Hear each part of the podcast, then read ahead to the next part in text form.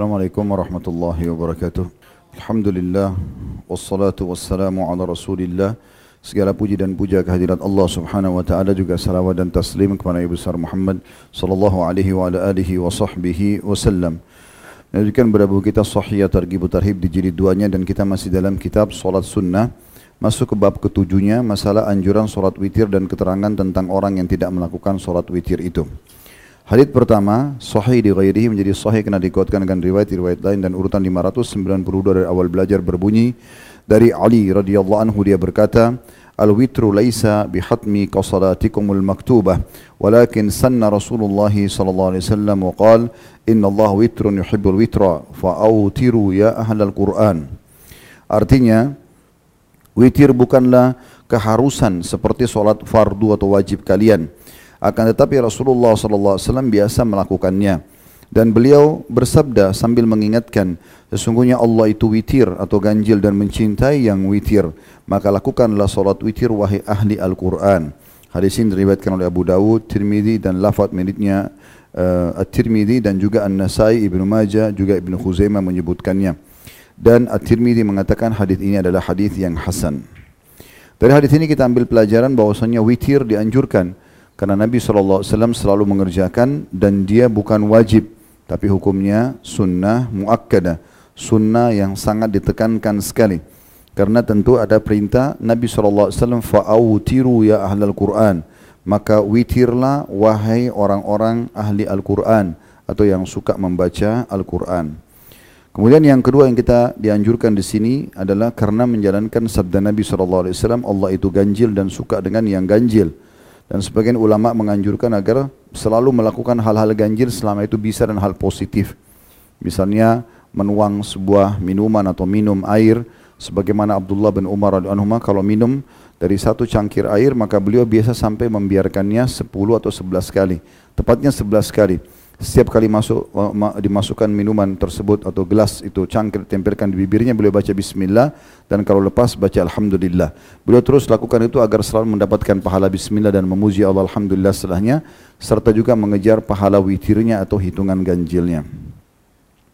Hadis yang kedua dengan sanad sahih urutan 593 dari awal belajar berbunyi dari Jabir radhiyallahu anhu dia berkata Rasulullah SAW bersabda man khafa alla yakuma min akhiril laili falyutir awwalah ومن تمع أن يقوم آخره فليوتر آخر آخر الليل فإن صلاة آخر الليل مشهودة محظورة وذلك أفضل Barang siapa yang khawatir tidak bangun di akhir malam, maka hendaklah dia berwitir di awal malam itu.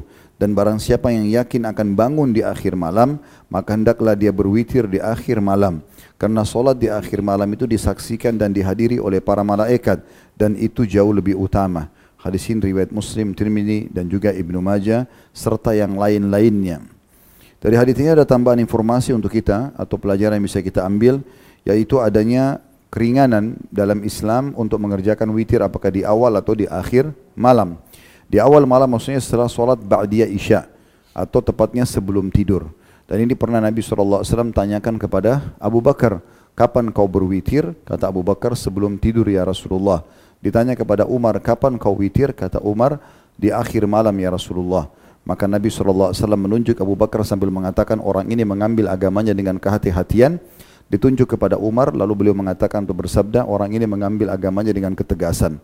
Jadi duanya boleh, di dua keadaan boleh. Kalau kita memang khawatir tidak belum rutin bangun solat tahajud, sehingga tidak sempat witir di akhir malam, maka rutinkan witir setelah solat ba'diyah isya atau sebelum tidur. Kemudian dari hadis ini juga diambil pelajaran kalau dipertemukan mana lebih afdal, maka lebih afdal di akhir malam. Walaupun masih ada rincian para ulama. Ulama mengatakan yang afdal di akhir malam kalau orang yang biasa bangun. Kalau orang yang biasa bangun itu afdal di akhir malam. Karena dia pasti bangun dan dia kerjakan witir sebelum sholat subuh. Ini afdal bagi dia, diakhirkan. Tapi kalau dia masih ragu, belum pernah witir atau masih jarang witir, kemudian dia cuma mau coba-coba saja Umumnya dia tidak biasa bangun solat malam, maka lebih afdal dia kerjakan di awal waktunya atau sebelum tidur. Hadis yang ketiga dan ini ada lima buah hadis pendek-pendek semuanya dalam bab ini. Hadis ketiga Hasan Sahih.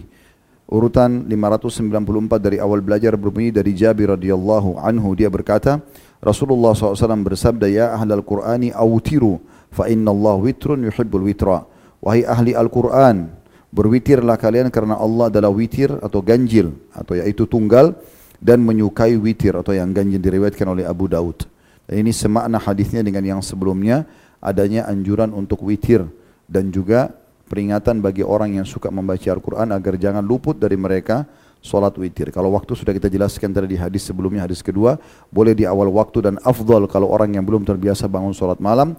Namun kalau biasa bangun di akhir malam, maka afdalnya ditakhirkan. Hadis keempat diriwayatkan Ibnu Huzaimah dalam sahihnya secara ringkas dari hadis Abu Hurairah radhiyallahu anhu, "Inna Allah witrun yuhibbul witra." Sesungguhnya Allah witir lagi mencintai yang witir atau ganjil.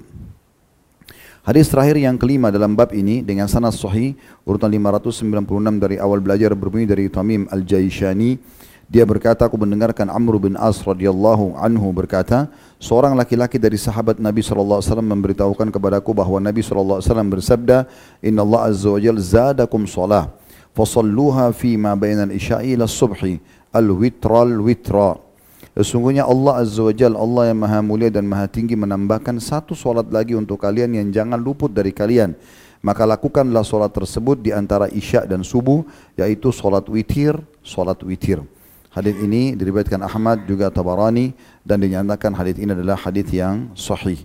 Dari hadis ini kita bisa lihat bagaimana penekanan tentang solat witir itu sangat dianjurkan dalam Islam. Sampai dalam madhab Abu Hanifah, beliau menekankan sekali bahkan mengatakan adanya kewajiban walaupun belum sampai seperti wajibnya solat fardu tapi beliau dalam madhabnya mengatakan witir maka kita temukan teman-teman yang bermadhab Hanafi seperti yang ada di Turki misalnya mereka bisa dikatakan tidak pernah ketinggalan witir. Karena adanya hadis ini. Hadis ini jadi landasan hukumnya yaitu Nabi SAW mengatakan Allah menambahkan untuk kalian satu solat lagi. Maksudnya solat ini setelah solat lima waktu yang jangan kalian luput yaitu solat witirnya. Dan belum pernah ada penyebutan solat-solat sunnah seperti penekanan masalah ini. Maka mereka menyatakan bahwasanya witir hukum, dasar hukumnya sunnah, tapi dia wajib dianjurkan oleh setiap muslim yang tidak punya udur, ya, sehingga dia tidak luput untuk kehilangan solat ini. Allahu alam. Kita akan lanjutkan insya Allah nanti pertemuan akan datang bab ke-8 anjuran tidur dalam keadaan suci dengan niat bangun untuk solat malam. Subhanakallahumma bihamdika asyhadu an la ilaha illa anta astaghfiruka wa atubu ilaik. Assalamualaikum warahmatullahi wabarakatuh.